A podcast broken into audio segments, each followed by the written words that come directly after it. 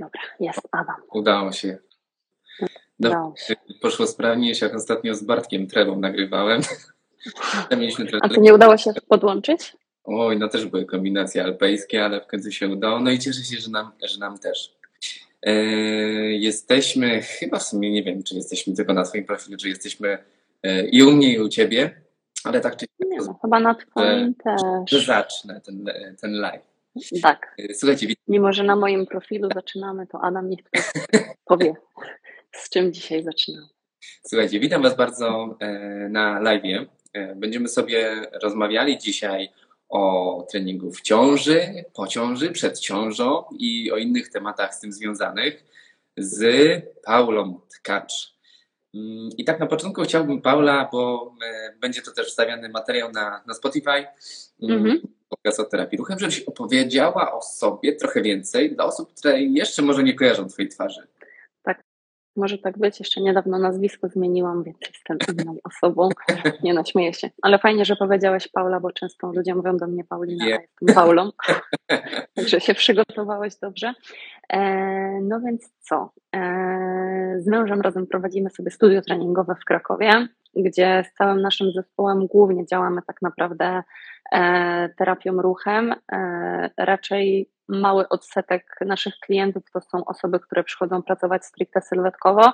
Rzeczywiście bardziej poszliśmy w taką zdrowotną stronę, więc i stąd też nazwa Pracownia Ruchu.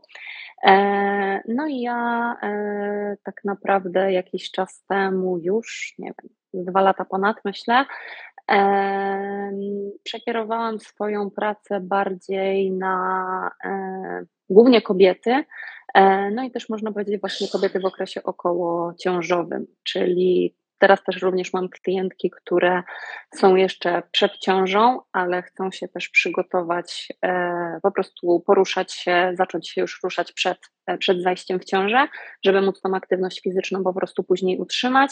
Pracuję z kobietami w ciąży, one sobie później idą rodzić i po ciąży, po porodzie wracają, albo po prostu też przychodzą do mnie kobiety po porodzie, z którymi nie pracowałam wcześniej. Więc tak naprawdę moja praca się opiera właśnie na takiej, na takiej niszy, na takim typie klientki. Mhm. E, no i. Skąd pomysł, powiedz, na, na pracę akurat z taką e, grupą osób? Mm, ogólnie to pierwszy raz e, z tym tematem to takie miałam zetknięcie w sumie na Black Roll terapii, czyli na szkoleniu, które ty też również robiłeś. E, I tam właśnie mieliśmy zjazd, e, który był i z Kasią Witek-Sokołowską i z Izą Dębińską. I to było pierwsze takie moje zetknięcie w ogóle z taką jakąś większą wiedzą na ten temat. Wcześniej raczej miałam tak, że się trochę obawiałam tego treningu, bo właśnie co można, czego nie można, to też się wszystko zmienia. E, no, ale wtedy jakoś mnie to tak e, zainspirowało i zaczęłam trochę więcej e, na ten temat i czytać i, i w ogóle. No i wtedy też w sumie moja koleżanka ze studiów była w ciąży i zaproponowałam jej treningi i to było tak naprawdę takie moje pierwsze już zetknięcie tak z trenowaniem z taką kobietą. E, no a później no to właśnie więcej już e, szkoleń zrobiłam u, u Kasi Witek-Sokołowskiej i od niej tak naprawdę najwięcej wiedzy gdzieś tam z tego czerpałam. Czytam też na bieżąco jakieś badania i co? Obserwuję też jakieś zagraniczne profile, bo tam też to troszeczkę inaczej wygląda. U nas to jeszcze, no nie, że jesteśmy 100 lat za murzynami, no nie, ale jakby E, jeszcze tej ostrożności, trochę obchodzenia się jak z jajkiem jest więcej niż, niż gdzieś tam no, mhm. dalej. A powiedz, y, tak od razu pociągniemy temat, mm, no bo właśnie mamy takie, można powiedzieć, dwie skrajności że z jednej strony mamy kobiety, które na przykład podczas ciąży nie, że najlepiej jakby się położyć, usiąść i generalnie tak na brzuchu nie, bo brzuch się gniecie, na plecach nie, bo y, też nam uciska, mm, na boku no może, ale generalnie raczej nie robić i mamy ten drugi obóz, czyli y, challenge szpagat w ciąży, challenge salto w ciąży i tak dalej, i tak dalej. I powiedz, mm, jaki jest taki złoty środek? Czy, czy jest w ogóle jakiś złoty środek? Jak, jak ty to obserwujesz w swojej pracy? E, no jakby kobiety, które do mnie trafiają, e, tak naprawdę raczej są już w jakimś stopniu świadome i, e, i chcą tą aktywność albo podejmować dopiero w ciąży, bo i tak się zdarza, albo chcą kontynuować, ale trochę też są niepewne po prostu właśnie co mogą, czego raczej nie i tak dalej, ale no tak jak mówię, że raczej to jest taka grupa świadomych kobiet. E, zdarzają się oczywiście dziewczyny, które tam, a przeczytałam to, to i to, ale to do mitów też później przejdziemy, więc jakby nie będę na razie poruszać e, mhm. tego.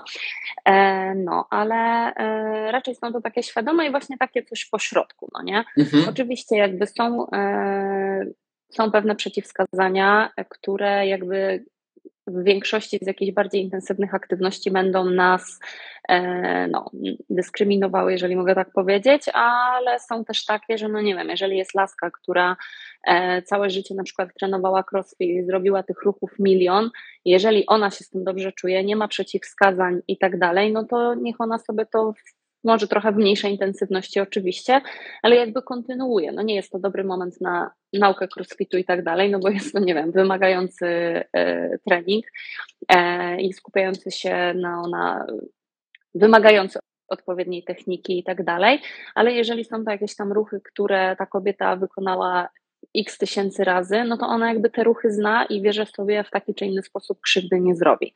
No ten crossfit też może był taki trochę skrajny gdzieś tam e, przykład, ale po prostu chodzi mi o to, że no nie wiem, ja na przykład sobie ćwiczę pilates i po prostu będąc w ciąży myślę, że będę kontynuować go i sobie go robić dopóki tylko będę mogła, znam te ruchy, wiem na co sobie mogę pozwolić, wiem jak, nie wiem, ten brzuch zaangażować, no nie? Więc jakby myślę, że to wynika z takiej po prostu świadomości i z tego rzeczywiście, co dana kobieta gdzieś tam przed ciążą po prostu ćwiczyła. Mhm. Mhm. Tak, z e, perspektywy jakbyśmy, no, no bo tak naprawdę materiał jest dla specjalistów. Jak tak patrzysz z, z własnej perspektywy, kiedy przychodzi do ciebie pani mhm. i cholera, ja to nigdy w życiu nic nie robiłam z aktywności, ewentualnie najwięcej chyba aktywności to miałam jak e, parzyłam herbatę czy smarowałam chleb masłem, no ale teraz mhm. mimo chciała o siebie zadbać, to to jest dobry moment, żeby tak zacząć od zera? Czy są jakieś na przykład, nie wiem, przeciwwskazania, czego u takiej osoby nie będziemy robili, albo co chcielibyśmy robić? E, jeżeli chodzi o takie kobiety, które dopiero w ciąży gdzieś tam chcą tą aktywność podjąć, e, no to na pewno będzie najbezpieczniej, jeżeli one tą aktywność jakąkolwiek, znaczy jakąkolwiek, no wiadomo, że nie jest tak, że one po prostu na pierwszy trymestr mają zalegnąć e, na łóżku przed telewizorem z paczką chipsów, ale jeżeli chodzi o jakieś takie konkretne treningi, no to też jakby tak i w zgodzie, w sensie jeżeli lekarz da nam zgodę, no to oczywiście można, ale ja raczej wolę takie treningi podjąć w drugim trymestrze, który już jest po prostu taki pewniejszy, bo jednak do samoistności wczesnego poronienia może dojść gdzieś tam przez ten pierwszy trymestr, e, więc lepiej sobie po prostu te parę tygodni przeczekać, bo to już nam ogromnej różnicy nie zrobi w przypadku, jeżeli ta kobieta nic wcześniej za bardzo nie robiła. A drugi okres już jest taki pewniejszy, no też e, raczej się spotykam z tym, że kobiety mają więcej energii, lepiej się czują. Ten pierwszy jest taki raczej spokojniejszy, bardziej senny i w ogóle. E, no, więc na pewno taki trening się będzie różnił intensywnością i jakby będziemy zaczynać sobie od po prostu jakichś prostych rzeczy, nawet mobilizacji, jakiegoś rozciągania e, i po prostu prostych ruchów, nauki jakichś wzorców ruchowych, bo tak naprawdę trening kobiety w ciąży jakoś super nie różni się od treningu kobiety nie w ciąży. Mhm. Więc e, po prostu no. A jaka jest na pewno w praktyce między treningiem właśnie takiej e, kobiety, która nie jest w ciąży, a taką, która jest i na przykład już zróbmy tak, żeby do czegoś konkretnego się odnieść, no to do takiej pani, która już ma jednak ten brzuszek, yy, no i jednak dochodzi tam te kilka kilo z przodu. E, czyli tak, jeszcze raz, między taką, która między, jest w ciąży i nie robi... Y, dziewczyną, która na przykład nie jest w ciąży, jest sprawna i tak dalej, nie jest otyła mm -hmm. i tak dalej, bo to, ta otyłość pewnie też mm -hmm. robi robotę, odnosząc taki, e, taki przykład y, kontrolny. Mm -hmm. I mając drugą panią, która e, jest w ciąży, już ma ten brzuszek i załóżmy, że poziom aktywności i sprawności mają stosunkowo podobny, różni ich tylko kilka kilo z przodu brzucha. Okej, okay. no więc y, czasem się dla mnie nie będzie niczym różnił, bo teraz mam po prostu jedną taką petardę na treningach, że no to jest w ogóle kosmos. E, jest chyba teraz mam, bo mam cztery dziewczyny na podobnym etapie, ale na pewno jest po 20 tygodniu ciąży. Gdzieś tam już te kilo, parę kilogramów do przodu jest, ale po prostu czuję się super, ma mega dużo energii i trenowała przed ciążą. I no, my robimy trzy razy w tygodniu trening siłowy. Ćwiczymy z ketlami, e, ćwiczymy też ciężarem własnego ciała, z gumami oporowymi, jakby robimy różne rzeczy. E, no naprawdę no, niewiele będzie się różnił taki trening. No jakby czasem zmieniam gdzieś tam na przykład formę ćwiczenia i nie wiem, nie robię z nią przysiadu e, jakby gdzieś tam w maksymalnym zakresie, ale trochę to modyfikuję, na przykład, nie wiem, przysiad do boksa przykładowo, e, bo już jakby myślę o tym, jak się to będzie przekładało e, na to, jak ona na przykład wstaje z siedzenia i jakby myślę o tym, jak mogę zmienić dane ćwiczenie, jak ją ustawić, żeby jej się to przełożyło na takie codzienne, lepsze funkcjonowanie, powiedzmy. No nie, więc to są jakieś takie, powiedzmy, subtelne zmiany. No nie wiem, nie robimy y, jakichś tam brzuszków, znaczy ja zazwyczaj nie robię jakichś brzuszków też na treningach, y, no bo już też sobie kontrolujemy to, jak jej brzuch się zachowuje, jak się zachowuje kresa, czy się wypukla, czy nie, czy to rozejście jest już duże, czy nie. No ale jakieś tam jeszcze podpory na czworakach, latające psy i te sprawy, to jakby wszystko sobie działamy. No na brzuchu się nie kładziemy, bo to akurat nie jest już najlepszy pomysł, ale generalnie no, mhm. tych różnic wiele nie okay. będzie. No nie? Okay. Yy, czyli tak podsumowując, rzeczy, które niekoniecznie byśmy chcieli robić w tym takim dalszym, mhm. nazwijmy to okresie, no to będą właśnie co? Ćwiczenia, gdzie mm, nie chcemy się kłaść raczej na brzuchu, tak? W sensie to są ćwiczenia, będziemy No tak, znaczy no, jeżeli chodzi o, ogólnie o kładzenie się na brzuchu, no to gdzieś tam no, w pierwszym trymestrze jeszcze jakby no naprawdę ta macica to malutkie dzieciąteczko tam chroni i no kobiety jeszcze normalnie śpią na brzuchu w pierwszym trymestrze, bo jeszcze tak naprawdę nie ma jakichś takich dużych zmian. No później no to już jakby jest jakieś tam nawet ryzyko, myślę, uszkodzenia, no nie, jakby no poza tym też chyba jest niewygodnie, bo to trochę tak jakbyś sobie wsadził piłkę pod bluzkę i próbował leżeć na brzuchu, no też ci wygodnie nie będzie, no nie, mhm. więc y, tak naprawdę no też tutaj jest kwestia tego. Eee, I co, no to już jakby jeden mit przytoczę, ale to jakby też e, gdzieś tam zahacza nam o to. E, no bo mówi się, że na przykład po drugim trymestrze już tam nie wolno leżeć na plecach, no bo jest zespół żyły głównej dolnej, e, no i ta macita i to wszystko będzie nam uciskało tą żyłę i po prostu może się zrobić kobiecie słabo, zemdleć i tak dalej, i tak dalej. Jakby jest to oczywiście prawdą, ale nie wygląda to tak, że po prostu kobieta kładzie się na plecach i mdleje, bo kobiety też sypiają na plecach e, w ciąży. Poza tym, jak się idzie do ginekologa, to gdzieś tam też się czasem leży, więc jakby to nie jest wszystko tak naprawdę z tymi mitami, z różnymi rzeczami takie zero-jedynkowe.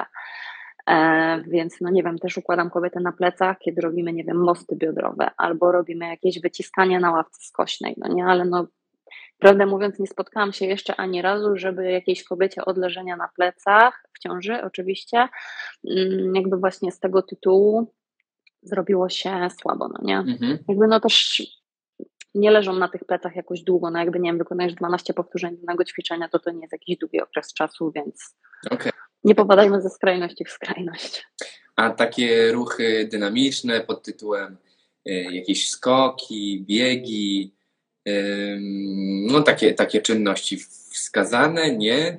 Może na coś uważać? To, to też y, trochę zależy, bo mam na przykład jedną podopieczną, no tak jak mówię, one są akurat wszystkie teraz y, mniej więcej na tym samym etapie, no to ona biegała przed ciążą dosyć y, i intensywnie i regularnie i ona na ten moment będąc w tym, no jest między 20 a 25 tygodniem, ona cały czas biega. Nie ma mhm. przeciwwskazań do tego, jej dynamiednicy dobrze pracuje, ma zgodę od lekarza na to, no bo tak jak już mówiłam wcześniej, to są ruchy i ćwiczenia, które po prostu jej ciało zna i na które jej ciało dobrze reaguje, nie?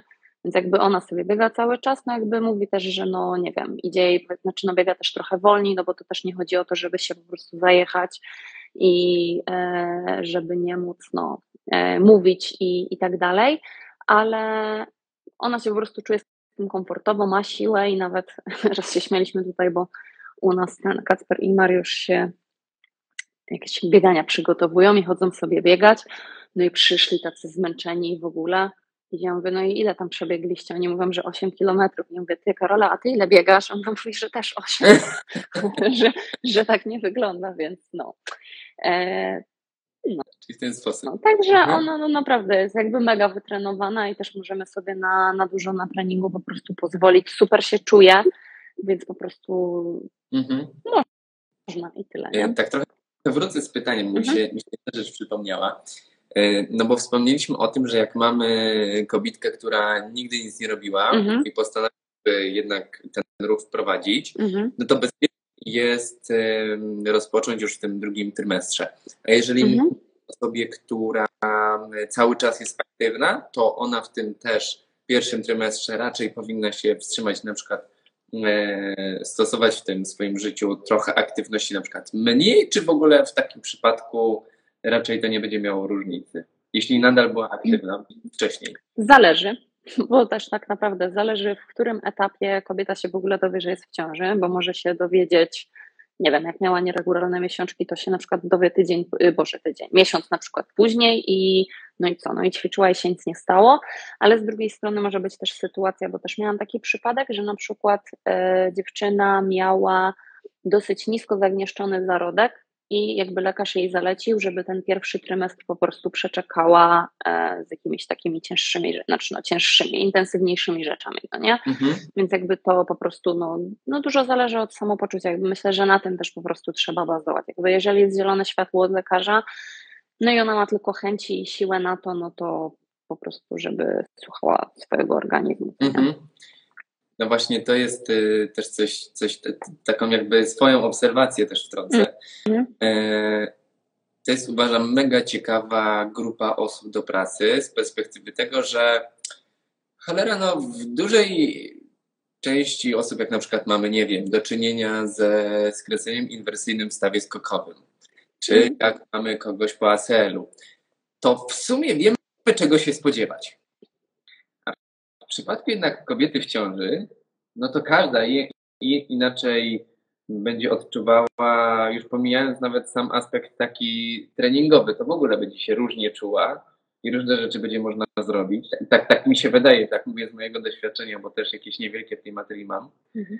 E, więc tak może mi potwierdzić, może zaprzeczysz, że umiejętność takiego odczytywania tej osoby, takiego dowiadywania się, jak ona się czuje, czy jest wszystko ok i tak dalej, i dopasowywanie tego procesu treningowego mi się wydaje mega istotną umiejętnością w tym, w tym wszystkim.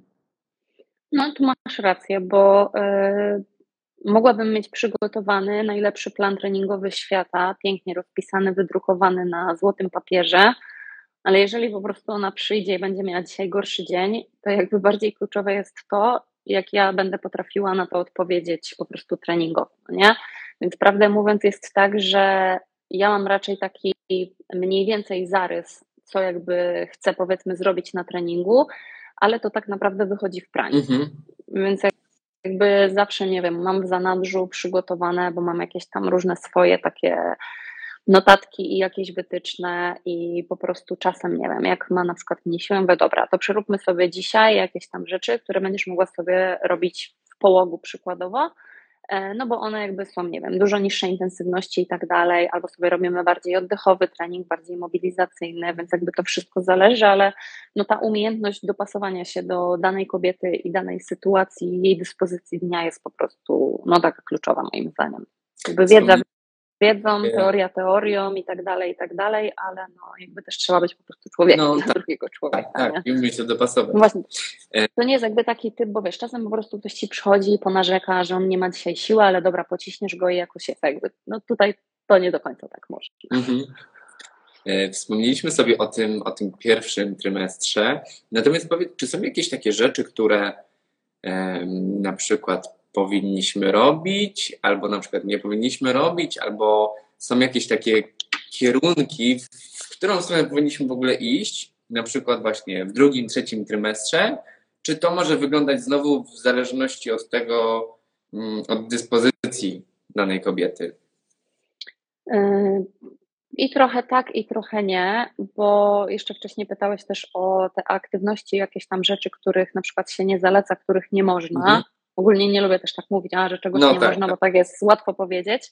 E, no ale rzeczywiście e, jakieś tam na przykład sporty kontaktowe i takie rzeczy, no jakby boks nie będzie najlepszym pomysłem i jakieś no. takie, no E, ogólnie jakieś, nie wiem, gry, w sensie boże, gry, no nie wiem, piłka nożna, koszykówka, jakieś po prostu takie sporty drużynowe i w ogóle.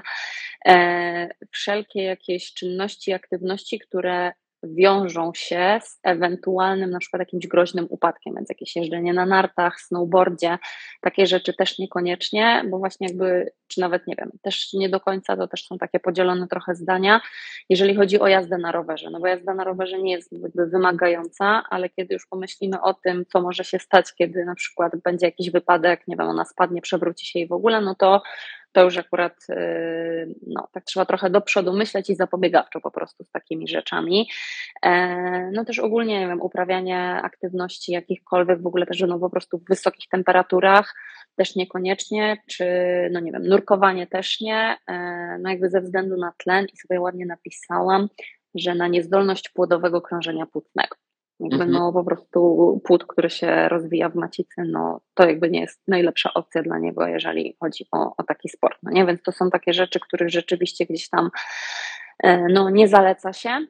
E, I, a jeżeli chodzi o te inne rzeczy, no to jakby ten drugi trymestr, przez to, że jest taki najpewniejszy i raczej obserwuję to, że w tym czasie kobiety mają najwięcej siły, to wtedy tak naprawdę najwięcej e, uwagi przykładam na trening siłowy, wzmacniający, I to w sumie e, bez znaczenia, czy ktoś dopiero zaczyna, czy nie, jakby to powiedzmy się będzie różniło obciążeniem, ale nawet jeżeli kobieta wcześniej nie ćwiczyła siłowo i jakby dopiero się uczy tych różnych rzeczy, to i tak przynajmniej ćwiczę z nią z obciążeniem, e, które prawdopodobnie będzie miało jej dziecko po urodzeniu, żeby ją przygotować po prostu na ten czas po porodzie, no nie?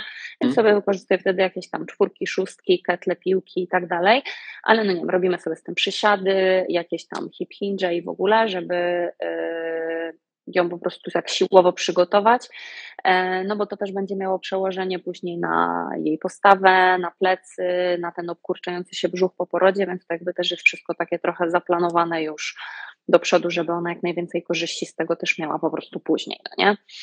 E, w trzecim trymestrze jak tej siły jest trochę mniej, to też sobie albo trochę zjeżdżamy z obciążenia, e, robimy trochę więcej mobilizacji. Tak naprawdę od drugiego trymestru gdzieś tam jakby zawsze przemycam już jakieś i oddechowe ćwiczenia, no bo to też jest tak, że ta sylwetka, która się zmienia, mm, ta rosnąca macica też sprawia, że przepona ma mniej e, miejsca trochę do oddychania, no bo ona na wdechu się obniża, a tam już ma trochę ciasno, więc jakby też trzeba dbać o to, żeby po prostu ta ruchomość żeber kręgosłupa była 360 stopni, więc jakby, no ale to są po prostu rzeczy, które jakby zawsze tak naprawdę gdzieś tam w tych rozgrzewkach robimy, czyli ruchomość kręgosłupa w trzech płaszczyznach i tak dalej i jakieś tam oddechowe rzeczy sobie po prostu wrzucam, wrzucam wtedy, no nie? E, to, na co też na przykład zwracam uwagę, to e, zmiany pozycji, czyli właśnie, no wiem, nawet te przysiady do boksa, zamiast takiego głębokiego przysiadu, e, w celu jakby nauki wstawania i siadania, nie wiem, z kanapy, z fotela i tak dalej, jakieś zmiany pozycji, kładzenie się przez włok na plecach i, i wstawanie z tego, jakieś przychodzenie do pozycji na podłodze, żeby ona to robiła w jak najbardziej bezpieczny dla siebie sposób. Mhm. Bać się ciężaru podczas treningu w ciąży, czy nie? Zależy, co będziemy mieć pod pojęciem ciężar, bo jakby to też są e, jakby różnych ciężarów używam. No może nie robię, nie wiem, martwych ciągów na prostych nogach e, z prostą sztangą i tak dalej, ale raczej korzystam z wolnych obciążeń, ewentualnie tam, nie wiem, jakichś wyciągów. E, i no to też po prostu wszystko zależy, no nie? Bo po prostu czasem dziewczyny też trochę tak asekuracyjnie podchodzą, ale z drugiej strony są też takie, które no właśnie gdzieś tam chcą się zmęczyć i ta siła jest i no to wtedy nawet jakieś tam, nie wiem, martwe ciągi to sobie z 20 kg gdzieś tam robimy, no nie? Mhm. A jeśli chodzi na przykład o no tak jak, tak jak sobie myślę o jakichś takich rzeczach, które, które mhm. słyszałem, pewnie zaczniemy zahaczać, trochę Ci podpytam o te takie mity, bo tego jest mnóstwo. I chodzi na przykład o te ciężary. No to jest taka obawa, że cholera, bo to takie parcie na ten brzuch, że podczas tych ciężarów, że tam wiesz, żyły wychodzą po prostu na, na szyi od tego, od tego napięcia. Mm, no i pytanie, czy takie coś rzeczywiście dzieje się w przypadku, jak weźmiemy trochę większy ciężar? Czy można jakoś temu zapobiec, czy, czy, czy w ogóle jakoś Coś innego może jeszcze powiesz na ten temat. Mm, więc tak, jakby tak w ciąży aż takich gdzieś tam dużych, nie wiem, maksów y, w martwych ciągach, w siadach i tak dalej raczej nie robię, ale też nie mam na przykład, nie wiem, kobiet, które wcześniej po prostu aż takie ciężary podnosiły, więc jakby tym bardziej ciąża nie jest czasem na robienie swoich rekordów. E, jeżeli chodzi o to parcie, czy na brzuch, czy na dno miednicy, jest to coś, co ma miejsce, bo jakby sama ciąża dość mocno te mięśnie dna miednicy obciąża. E, obciążona jest z przodu kresa, bo mięśnie brzucha się rozciągają, e, ale generalnie zarówno i w ćwiczeniach oddechowych, czy w dźwiganiu ciężarów, czy w czymkolwiek, jakby dla kobiet w ciąży, nie zaleca się wstrzymywania oddechu w trakcie, no bo jednak jest potrzebny ten ciągły przepływ tlenu i do macicy i to wszystko tam musi sobie krążyć, e, więc jakby jakieś te manewry walsalwy i te sprawy, no to, to niekoniecznie, bo to jakby wywoła i duże ciśnienie śródbrzuszne i duże parcie na dno miednicy. Czyli pasa e, nie zaciskamy. No, raczej nie. No, więc jakby też aż z takimi obciążeniami nie pracuję, no nie? Więc jakby no, dziewczyny też nie mają takiej potrzeby, tak jak mówię. No, gdybym, nie wiem, miała e, kobitkę, która, wiesz, wcześniej trójbój na przykład robiła, no to myślę, że to tak trochę inaczej by wyglądało, ale też ona by miała zupełnie, no już też inaczej czyli tą technikę wypracowaną. No nie każda kobieta, nawet ćwicząca, nie wiem, robiła te martwe ciągi ze sztangą czy cokolwiek, no nie? Więc jakby nie jest to potrzebne, ale no jakby sam wzorzec gdzieś tam tego hip hinge'a czy coś, no to jakby jak najbardziej, nie? Mhm. No. Jak, y, jak, jak to tłumaczysz? No bo na pewno zdarzyło ci, się, zdarzyła ci się taka sytuacja, że przyszła pani i powiedziała, Paulo, ja w ciąży jestem, chciałabym trochę poćwiczyć i tam chwytasz ketla 4 kilo, czy to martwe ciąg, ona mówi, ciężar?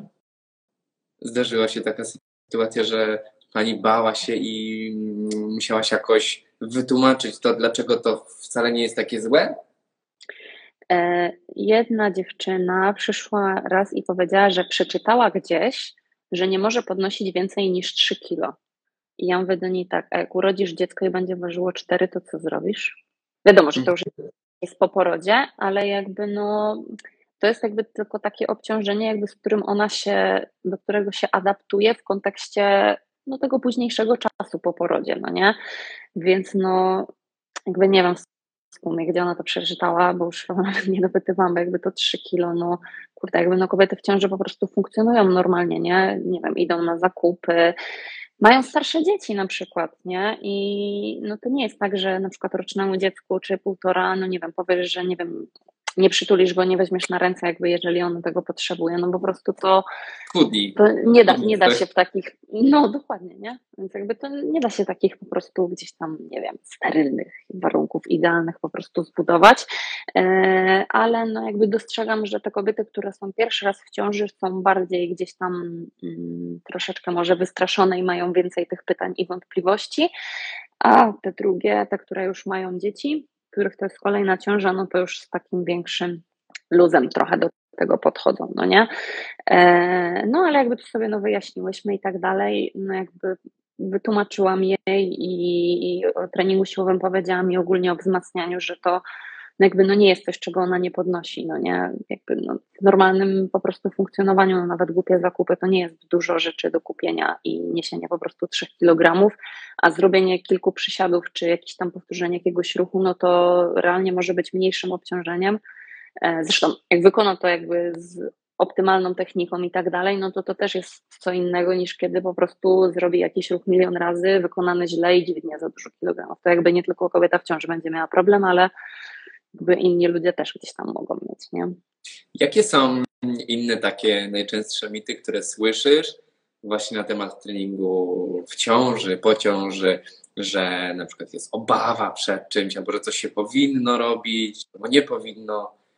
O czym sobie mm. gadaliśmy jeszcze dzisiaj? No to tak, z mitów na pewno, no to już tam było, e, no to też jakby słyszałam jako mit właśnie, że nie można ćwiczyć w pierwszym trymestrze, ale to już jak sobie powiedzieliśmy, że to nie jest takie wszystko zero-jedynkowe i tak naprawdę e, zależy, no nie? Często jeszcze to, z czym się spotykam, że nie można unosić ramion nad głowę e, i raz usłyszałam, że nie można, bo skraca się szyjka macicy. I próbowałam znaleźć badania jakieś na ten temat, nie znalazłam nic.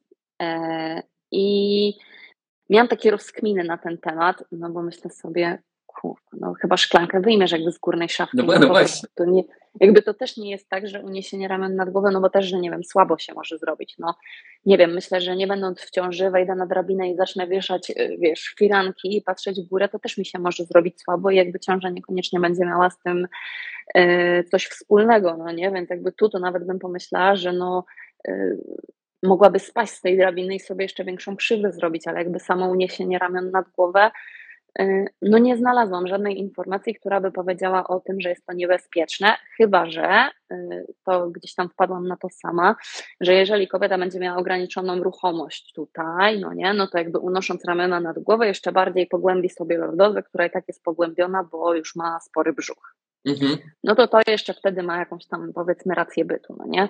No ale generalnie kiedy mam warunki takie, że jestem w stanie wybrać jedną z wielu pozycji do wyciskania nad głowę, mogę ją ustawić w pozycji stojącej, w klęku jednonóż, obunóż, w pozycji siedzącej, whatever, no i po prostu ją ustawię tak, że jej pozycja jest optymalna, że tej lordozy nie pogłębia i tą rękę nad głowę podniesie, no to też jeszcze się nic nie stało, nigdy nikomu się nic nie stało, więc... Tak mi się teraz y, przypomina myśl takie, taki, taka, taka sytuacja, mm, no bo kobiety w ciąży y, mają powiększoną lordozę i to niezdrowe przecież jest. Zdarzyło się coś takiego? Zdarzyła Ci w ogóle Pani w ciąży bez pogłębionej lordozy? Mm, ogólnie najpierw jeszcze przytocz coś innego, bo mi się przypomniało, no. bo jestem w grupie krakowskie mamy, bo y, czasem mi tam ktoś na przykład na treningi poleca czy coś. No i kobietka napisała, że szuka fizjoterapeuty dla swojego dziecka, bo dziecko ma lordozę. Bardzo się powstrzymywałam, żeby tego nie skomentować. E, no, znaczy, no dobrze, że ma w sumie, go, że jakby nie miał, nie? Ale no, no, ale po prostu nawet dziecko miało lordozę. E, czy mi się zdarzyła kobieta bez pogłębionej? No, no w sumie tak, no bo jak tego nie mierzymy, kobiety, nie? Miarką. No, ale są takie. No, no i wiadomo, że no, ten środek ciężkości się przesuwa do przodu i rzeczywiście ta lordoza się pogłębia. E, no i jak jakoś nie, nie skontrolujemy tego nad tą postawą, nie, nie popracujemy, no to to jakby może coś e, być, być czymś, co predysponuje do, wiesz, no bólu odcinka lędźwiowego, który jest w, ciąży dość częsty, no nie? Natomiast, yy, natomiast co wyleciało mi z głowy? Yy, a, kiedyś usłyszałam właśnie takie fajne zdanie, żeby, że jakby no, na treningach i ogólnie jakby patrząc na kobietę w ciąży, to żeby popatrzeć na nią przez pryzmat wad postawy, które ta ciąża tworzy. Bo poza tą pogłębioną lordozą często się tutaj zamyka pozycja, głowa się robi sunięta do przodu, no bo szukamy po prostu tego środka, nie? Więc jakby trzeba tak naprawdę o te wszystkie elementy gdzieś tam po drodze zadbać, żeby to, to w miarę ustawić. No ja zwracam uwagę na takie rzeczy, no bo nawet to, że sobie z laską popracuję na treningu, dobrze ją poustawiam, ruchy miednicą porobimy i gdzieś tam z tymi plecami jest lepiej, no to jak ona, nie wiem, będzie stała trzy godziny dziennie e, na zablokowanych kolanach i z wysuniętą do przodu miednicą, no to jakby jeden trening w tygodniu, a trzy godziny dziennie takie, no to to i takiej nie pomoże, więc jakby staram się też zwracać uwagę na takie rzeczy właśnie w codziennym funkcjonowaniu, żeby zwróciła uwagę, trochę sobie rozluźniła tą kolana, te kolana, tą miednicę gdzieś tam trochę podwinęła i no, mhm mam taką rozkminkę. Y, y, nie znam oczywiście odpowiedzi. No bo teraz jak sobie tak analizuję, bo żeby, tak mówię o tym, bo to zawsze jest takie źle postrzegane, że Jezus, wada postawy, że pogłębiona lordoza, że w ogóle tragedia. Natomiast mm, myślę, że poniekąd w stanie błogosławionym jest to w sumie nieuniknione z tej perspektywy, no że jednak tak. wtedy ciężkości się inaczej rozkłada, Sama miednica musi przyjść bardziej w to przodopochylenie, żeby zrobić miejsce dla Bobasa. Mm, no i poniekąd, patrząc na to, że człowiek dąży do pewnego takiego ekonomicznego podejścia do sytuacji w sensie swojej cielesnej, no to często te pani po prostu opierają sobie te ręce na plecach, żeby sobie zrobić taki, taką przeciwwagę i tak sobie stają, nie? I tam mm, lordoza się pogłębia, co jest, wydaje mi się, taką naturalną koleją rzeczy. No takie to jest nawet bym powiedziała może i fizjologiczne jakby w tym stanie, no nie, no bo też trudno by było 24 godziny na dobę myśleć o tym, dobra, tu cofnij biodra, odblokuj kolana, trochę podwiń, żeby tam wyrównać, no jakby nie da się też tak, no nie? Jakby też tak naprawdę dopóki się to nie objawia też, wiesz, e, no jakimiś bólami w odcinku lędźwiowym, no to ona nawet się może nad tym nie zastanowić, jak jej ktoś nie powie, mhm. no nie? W ciąży muszą boleć plecy? Nie, mam takie, co nie bolą. jak ćwiczą, to nie bolą. Okay. Ale mam już mało miejsc na treningi. Jak. Tak, tak mi się, e, tak, tak, tak jak sobie jakby oczywiście próbuję uzmysłowić, bo nigdy nie byłem jeszcze w ciąży, więc... Możliwe, że nigdy nie będziesz. Istnieje takie ryzyko.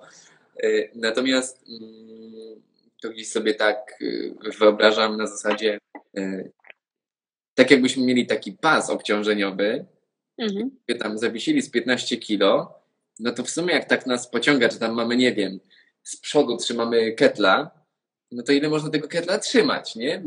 Napinając się i tam cały czas trzymając tam odpowiednią e, krzywiznę. No nie, nie da się, po prostu się nie da, nie? Ale też dlatego właśnie yy, ja stosuję ten trening siłowy po to, żeby też te odpowiednie partie e, po prostu wzmocnić, no nie? I, i przygotować, no bo nawet jak normalną, w cudzysłowie nie w ciąży osobę bolą plecy, no to też nie jest tak, że my tylko tam robimy masowanko, mizianko i w ogóle e, się nie schylaj, tylko no jakby też dociążamy tak naprawdę te bóle czasem, no nie, żeby wzmocnić, no bo to jakby też e, no, od nadmiaru siły jeszcze nikogo plecy, no nie, no dobra, może przegiałam, ale no, ale no wiesz o co chodzi, nie? No. że po prostu no jak tej siły jest więcej, no to gdzieś tam to, nie wiem, ryzyko kontuzji jest no raczej mniejsze, mhm. nie? Ja zawsze tak e, tłumaczę, to jest generalnie dosyć sadystyczne porównanie, natomiast moim zdaniem bardzo dobrze to pokazuje, że jakbyśmy mieli e, wielkiego konia 130 kilo i byśmy go mhm. kopnęli, to generalnie raczej by niewiele poczuł, ale jakbyśmy już kopnęli takiego chłopca, co waży 40 kilo, no to już mogłoby go zaboleć. Nie? Nawet z tej perspektywy samej tej siłowej. Um, powiedz mi teraz tak, do kiedy my możemy w ciąży, kiedy my możemy trenować z taką panią w ciąży? Czy mamy jakiś taki na przykład um, okres, że mówimy, dobra, mija na przykład tam, nie wiem, 30 tydzień, yy, kończymy treningi. E, nie miałam w sumie tak, żeby w jakimś konkretnym momencie e, gdzieś tam te treningi skończyć. Jest czasem tak, że pod koniec ciąży kobieta ma trochę mniej siły, co nie? E, I jakby sama na przykład decyduje, że po prostu chce sobie, nie wiem, trochę odpocząć i na przykład na własną rękę robi sobie już jakieś powiedzmy ćwiczenia przygotowujące do porodu, jakieś tam oddechowe rzeczy i tak dalej, i tak dalej. Natomiast nie wiem, miałam sytuację nawet w tym roku, dzisiaj w sumie ta podopieczna już praca po porodzie, e, no i była na treningu w środę, ona w ogóle przychodziła ze swoim mężem, w sensie on miał plan rozpisany przeze mnie, ćwiczył sobie, ja tam nadzorowałam, a jakby w tym czasie sobie działałam z nią. E, no i byli na treningu w środę i ogólnie ja ten czasem sobie z podopieczną robię na koniec jej ciąży porównanie wielkości naszych brzuchów. Jakby dobra Michalina, nie zrobiłyśmy zdjęcia, ona mówi dobra przyjdę za tydzień. No i za tydzień ogólnie już urodziła, więc nie zrobiłyśmy tego zdjęcia, nie? Tak. No, akurat ona urodziła e, chwilę wcześniej, niż było to zaplanowane, no więc jakby też czasem jest trudno powiedzieć, jakby kiedy skończyć, no bo po prostu może urodzić. Czasem nie wiem. Mhm. No, więc e, śmiała się, że zrobiła trening w domu ode mnie i odeszło jej wody. Nieźle. No, także, ale też na przykład bywają właśnie dziewczyny, to inna historia z zeszłego roku, przychodzi na trening i mówi, weź mnie dzisiaj wykończ, bo chcę już urodzić.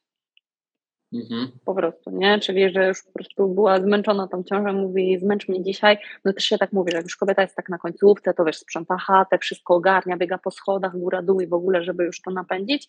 No więc tu Ania właśnie przyszła i mówi, już zmęcz mnie, bo już po prostu już, no, był lipiec, było gorąco, już była mhm. zmęczona. Była zmęczona, no. Już była zmęczona, no. Więc jakby nie ma jakiegoś takiego... Konkretnego konkretnego tematu. No jakby to, to jest wszystko bardzo indywidualne, nie? Mhm. No tak jak już po prostu kobiecie się nie chce, jakby to też jest taki czas dla niej, kiedy nie wiem, może sobie odpocząć i już może po prostu nawet nie mieć na to ochoty i jakby to też jest okej okay i, i to jest jej decyzja, nie?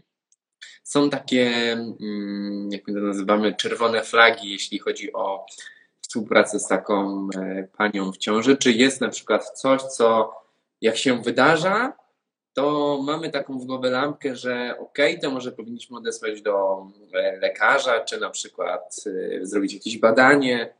Są takie rzeczy? Są takie hmm, czerwone flagi, w sensie są jakby jakieś tam powiedzmy przeciwwskazania względne i bezwzględne zarówno do podjęcia czy do kontynuowania aktywności, jak i takie, które wydarzą się w trakcie treningu i trening należy zakończyć. Mhm. E, więc y, nie wiem, jeżeli zdarzyłaby się sytuacja, że na przykład w trakcie treningu, nie wiem, kobieta sobie poszła do toalety i nagle, nie wiem, krwawi albo coś takiego, no to jakby jest to naprawdę dosłownie czerwona flaga. Mhm.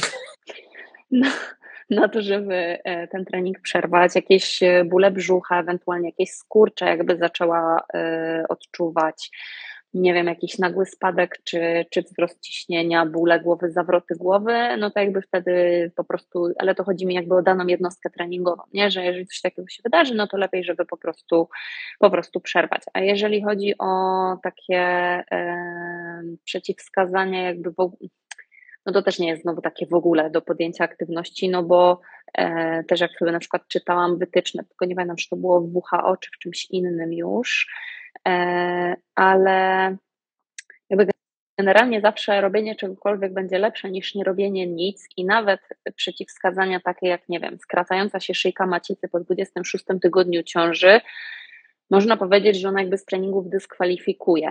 Tylko co będziemy mieć jakby pod definicją treningu, no bo myślę, że ćwiczenia oddechowe, które sobie będzie robić, oddech przeponowy, czy jakieś tam ćwiczenia na ruchomość kręgosłupa, no to raczej jej e, wyjdą na dobre, e, niż gdy po prostu, tak jak już mówiłam wcześniej, zalegnie na kanapie i nagle zaraz ją wszystko zacznie boleć od tego, że się nie rusza, nie? Więc e, no wiadomo, że no niekoniecznie wtedy dla niej na przykład też dźwiganie ciężarów, no bo to też mimo wszystko będzie obciążenie i tak dalej. E, no, ale jakby takie strony, czy tu jeszcze mam właśnie napisane? No, y, ciąże mnogie też się wiążą na przykład z większym ryzykiem jakiegoś tam porodu, na przykład przedwczesnego. Ciąże mnogie e, to mowa o bliźniakach na przykład? Tak, tak no na przykład okay. bliźniaki, czy tam jeszcze trojeczki, ale ja osobiście nie miałam takiej podopiecznej w mnogiej ciąży, więc jakby nie mam doświadczenia i, i po prostu się nie wypowiem. E, no ale myślę, że samo to, że ten brzuch po prostu jest większy i w ogóle, no to już jakiś tam dyskomfort gdzieś tam będzie, no nie? E, większy. E, o, akurat z tym. Jeszcze może być na przykład łożysko przodujące, czyli takie, które się tam troszeczkę obniża i jakby zmierza w kierunku szyjki macicy, no to takie też będzie gdzieś tam przeciwwskazaniem do jakichś intensywniejszych rzeczy, no nie? Mm, no właśnie o tym ciśnieniu już powiedziałam, czy jakieś tam ryzyko na przykład stanu przedrzucawkowego w momencie, kiedy właśnie jakieś tam wysokie ciśnienie się pojawia, no nie? Czyli tam powyżej powiedzmy 140 na 90. Mhm no to to już też będzie takie ryzykowne, jeżeli ona ma takie po prostu stany gdzieś tam nawracające. No Okej, okay, czyli co, wtedy w takim przypadku lepiej odesłać do, do lekarza i czekać na, na zielone światło? Mm, no, znaczy ja przede wszystkim nie podejmuję współpracy, jeżeli nie mam zgody od lekarza, więc y, jakby to też jest taka sprawa. E, I co? Mm, no i tyle, no ale wszystko jest takie trochę, to zależy, no nie? Mhm. Jak... Jak mamy taką na przykład sytuację, że umawia się pani, mówi, a no dzień dobry, ja bym tu się chciał mówić i tak dalej. I jak to wygląda, że pani przychodzi do ciebie, a ty mówisz, to pani przyniesie zgodę na lekarza, a dzisiaj 190. Czy jak to nie. wygląda? Znaczy, no tak, takie pierwsze spotkanie to jest. Nie, tak nie no wiem. To jest takie, wiesz, no jak taka po prostu normalna diagnostyka przedtreningowa, którą ty też robisz, no mhm. nie? Czyli to jest normalny wywiad, jak z każdym innym klientem, no bo to, że kobieta jest w ciąży, to nie znaczy, że nie zerwała kiedyś na przykład ACL-a czy coś, mhm. nie? Więc jakby to jest normalna po prostu y, diagnostyka, y, jakby ze wszystkimi pytaniami i tak dalej, które są na każdej innej y, konsultacji.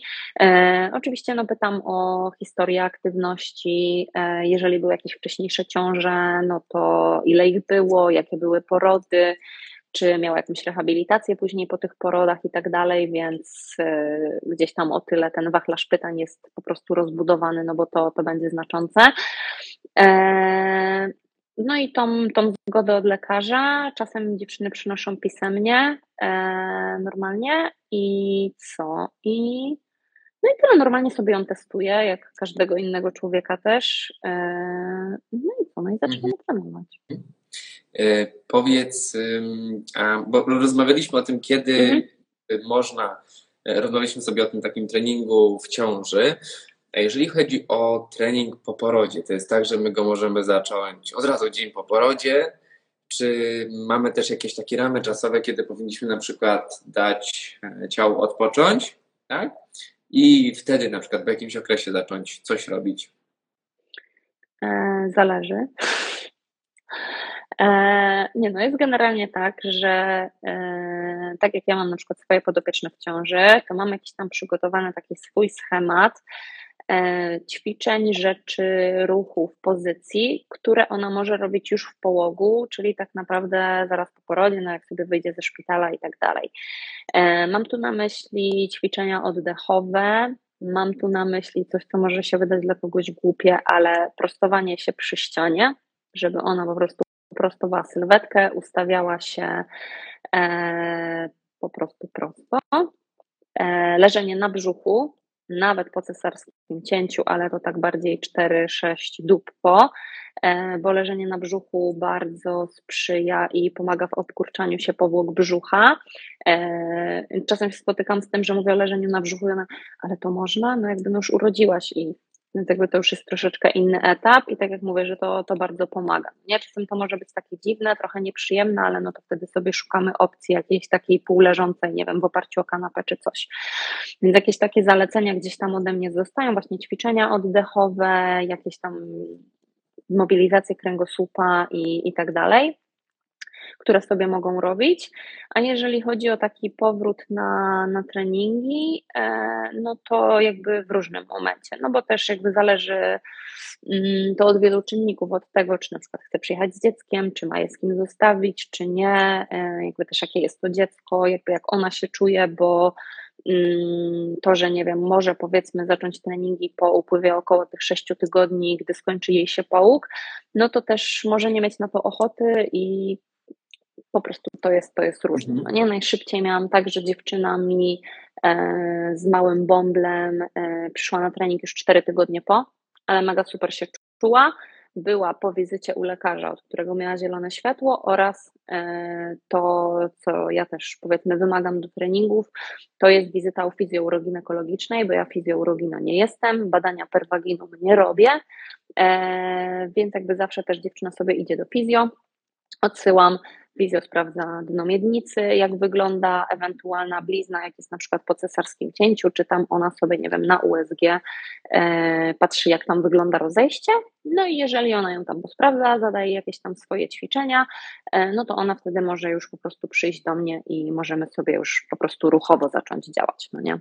Są jakieś takie, mm, nazwę to, w sumie to nie jest choroba, natomiast e, zawsze ciało się zmienia, tak? I mamy jakieś konsekwencji pewnych działań, czyli jak ktoś ćwiczy, to ma mięśnie i tego jest to konsekwencją. A jak na przykład e, mamy poród, to spotyka się, tak to nazwę, z jakimiś na przykład takimi powikłaniami pod tytułem, nie wiem, nietrzymanie moczu, czy, czy jakieś takie rzeczy.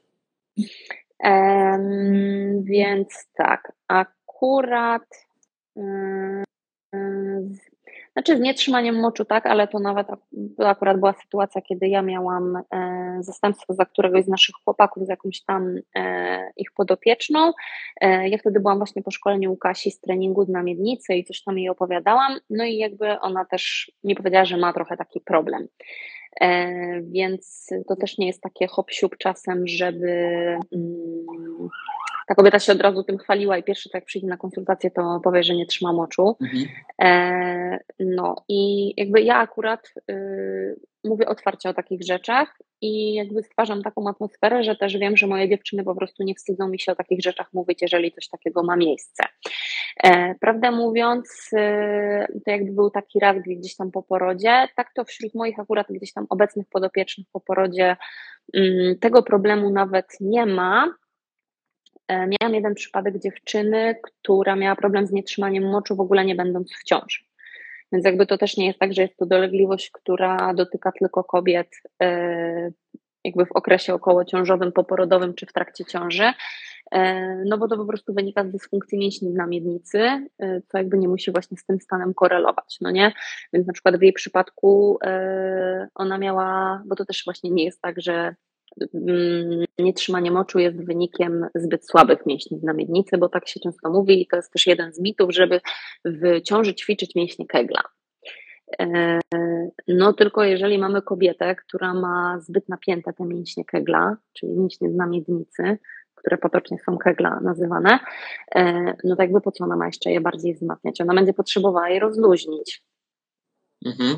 No nie, więc jakby to też e, nie jest tak, że wszystkie kobiety w ciąży muszą wzmacniać mięśnie na miednicy. No nie muszą. No jakby to jest też muszą...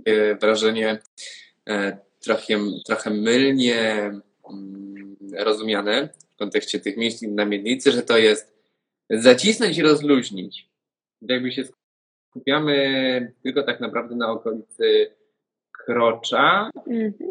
A jednak ta, te mięśnie na miednicy bezpośrednio korelują w ogóle z całą pracą tłocznej. Tego Dokładnie. się nie mówi, mam wrażenie, tak często jak samo to zaciśnięcie, rozluźnienie. No, jakby jest to jakiś tam wstęp, powiedzmy, jakby do samej nauki, no bo jeżeli kobieta jakby w ogóle jakby nie czuje tych mięśni i w sumie to nie wie, czy je teraz rozluźnia, czy napina, no to jakby jako taki początek gdzieś tam terapii, nauczenie jej tego, to tak. Tylko z drugiej strony, no ta moja podopieczna chodziła e, czasem nietrzymaniem moczu, gdzieś tam do fizy, do jakiejś osteopatki i tak dalej. No i niby ten progres był i jakby było ciut lepiej, ale nie do końca, dlatego że problem nie został jakby tak globalnie rozpatrzony. Bo w jej przypadku było trochę tak, że zbyt, ona miała nadmiernie napięte te mięśnie znamiennicy i one były tak przepracowane, że w momencie, kiedy powinny zadziałać, czyli nie wiem, biegała, kichała czy kaszlała, bo to jakby są takie momenty gdzieś tam, gdzie to się objawia, one po prostu nie reagowały e, tak jak powinny. E, no i te mięśnie były przepracowane, ale to też wynikało z tego, że jakby ona cała była słaba, w sensie nie ćwiczyła i tak dalej i po prostu to dno miednicy jakby najbardziej obrywało, nie? Jakby całe po prostu obciążenie wszystko przenosiła tam. Więc my, e, jakby ona sobie robiła tamte rzeczy, ale my po prostu powzmacniałyśmy ją całą.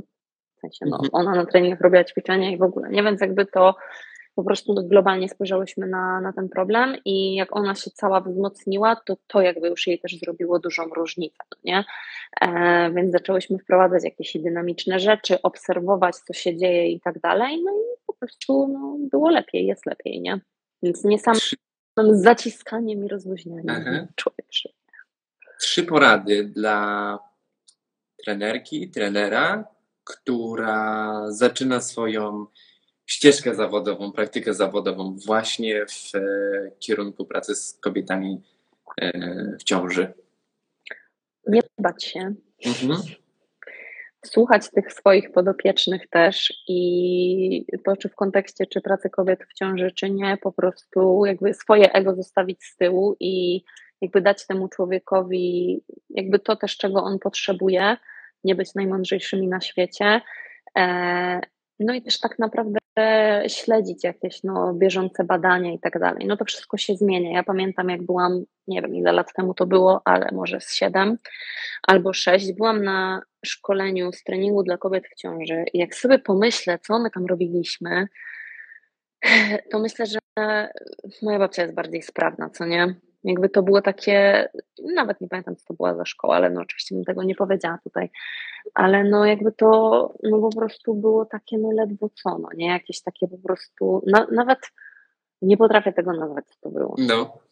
Więc to po prostu naprawdę się mega wszystko zmienia, no nie, więc żeby trochę śledzić to i, i patrzeć w ogóle też, co się dzieje w świecie, no nie, no bo ciąża nie jest chorobą, no chyba, że ma jakieś po prostu prostu powikłania i takie rzeczy, które rzeczywiście e, są jakimiś względnymi przeciwwskazaniami do aktywności. No ale generalnie e, nawet jak, e, bo pisałam skrypt na weekend na szkolenie, które będę prowadzić z treningu dla kobiet w ciąży, no i sobie dokładnie czytałam właśnie wytyczne WHO i tak dalej, no to to jest minimum 150 minut aktywności tygodniowo, czyli to są przynajmniej 2,5 godziny więc no to jest trochę, nie? To są takie dwie pełne jednostki treningowe, no powiedzmy pod trzy podchodzące, nie? Nie mówiąc o jakiejś takiej aktywności ogólnie codziennej, e, tej spontanicznej po prostu. Nie więc jakby no to jest no po prostu człowiek, no nie? Mhm. Czyli nie bać się, schować ego do kieszeni i być na bieżąco. I być na bieżąco, no. Paula, gdzie możemy Cię znaleźć, jeśli ktoś chciałby się Ciebie coś dopytać, nauczyć czegoś, a może umówić na wizytę? No więc tak, no na Instagramie gdzieś tam u góry będziecie mój nick widzieć, to tam można mnie znaleźć. Trochę ostatnio mniej wrzucałam, ale się u nas działo dużo i robiliśmy remonty w studio i tak dalej, ale wrócę do Dla tego. nie widzą i słuchają, to jest Paula podkreślik tkacz. Paula podłoga tkacz. No. E, I co? I e, no, przyjmuję w swoim studiu na Zabłociu w Krakowie.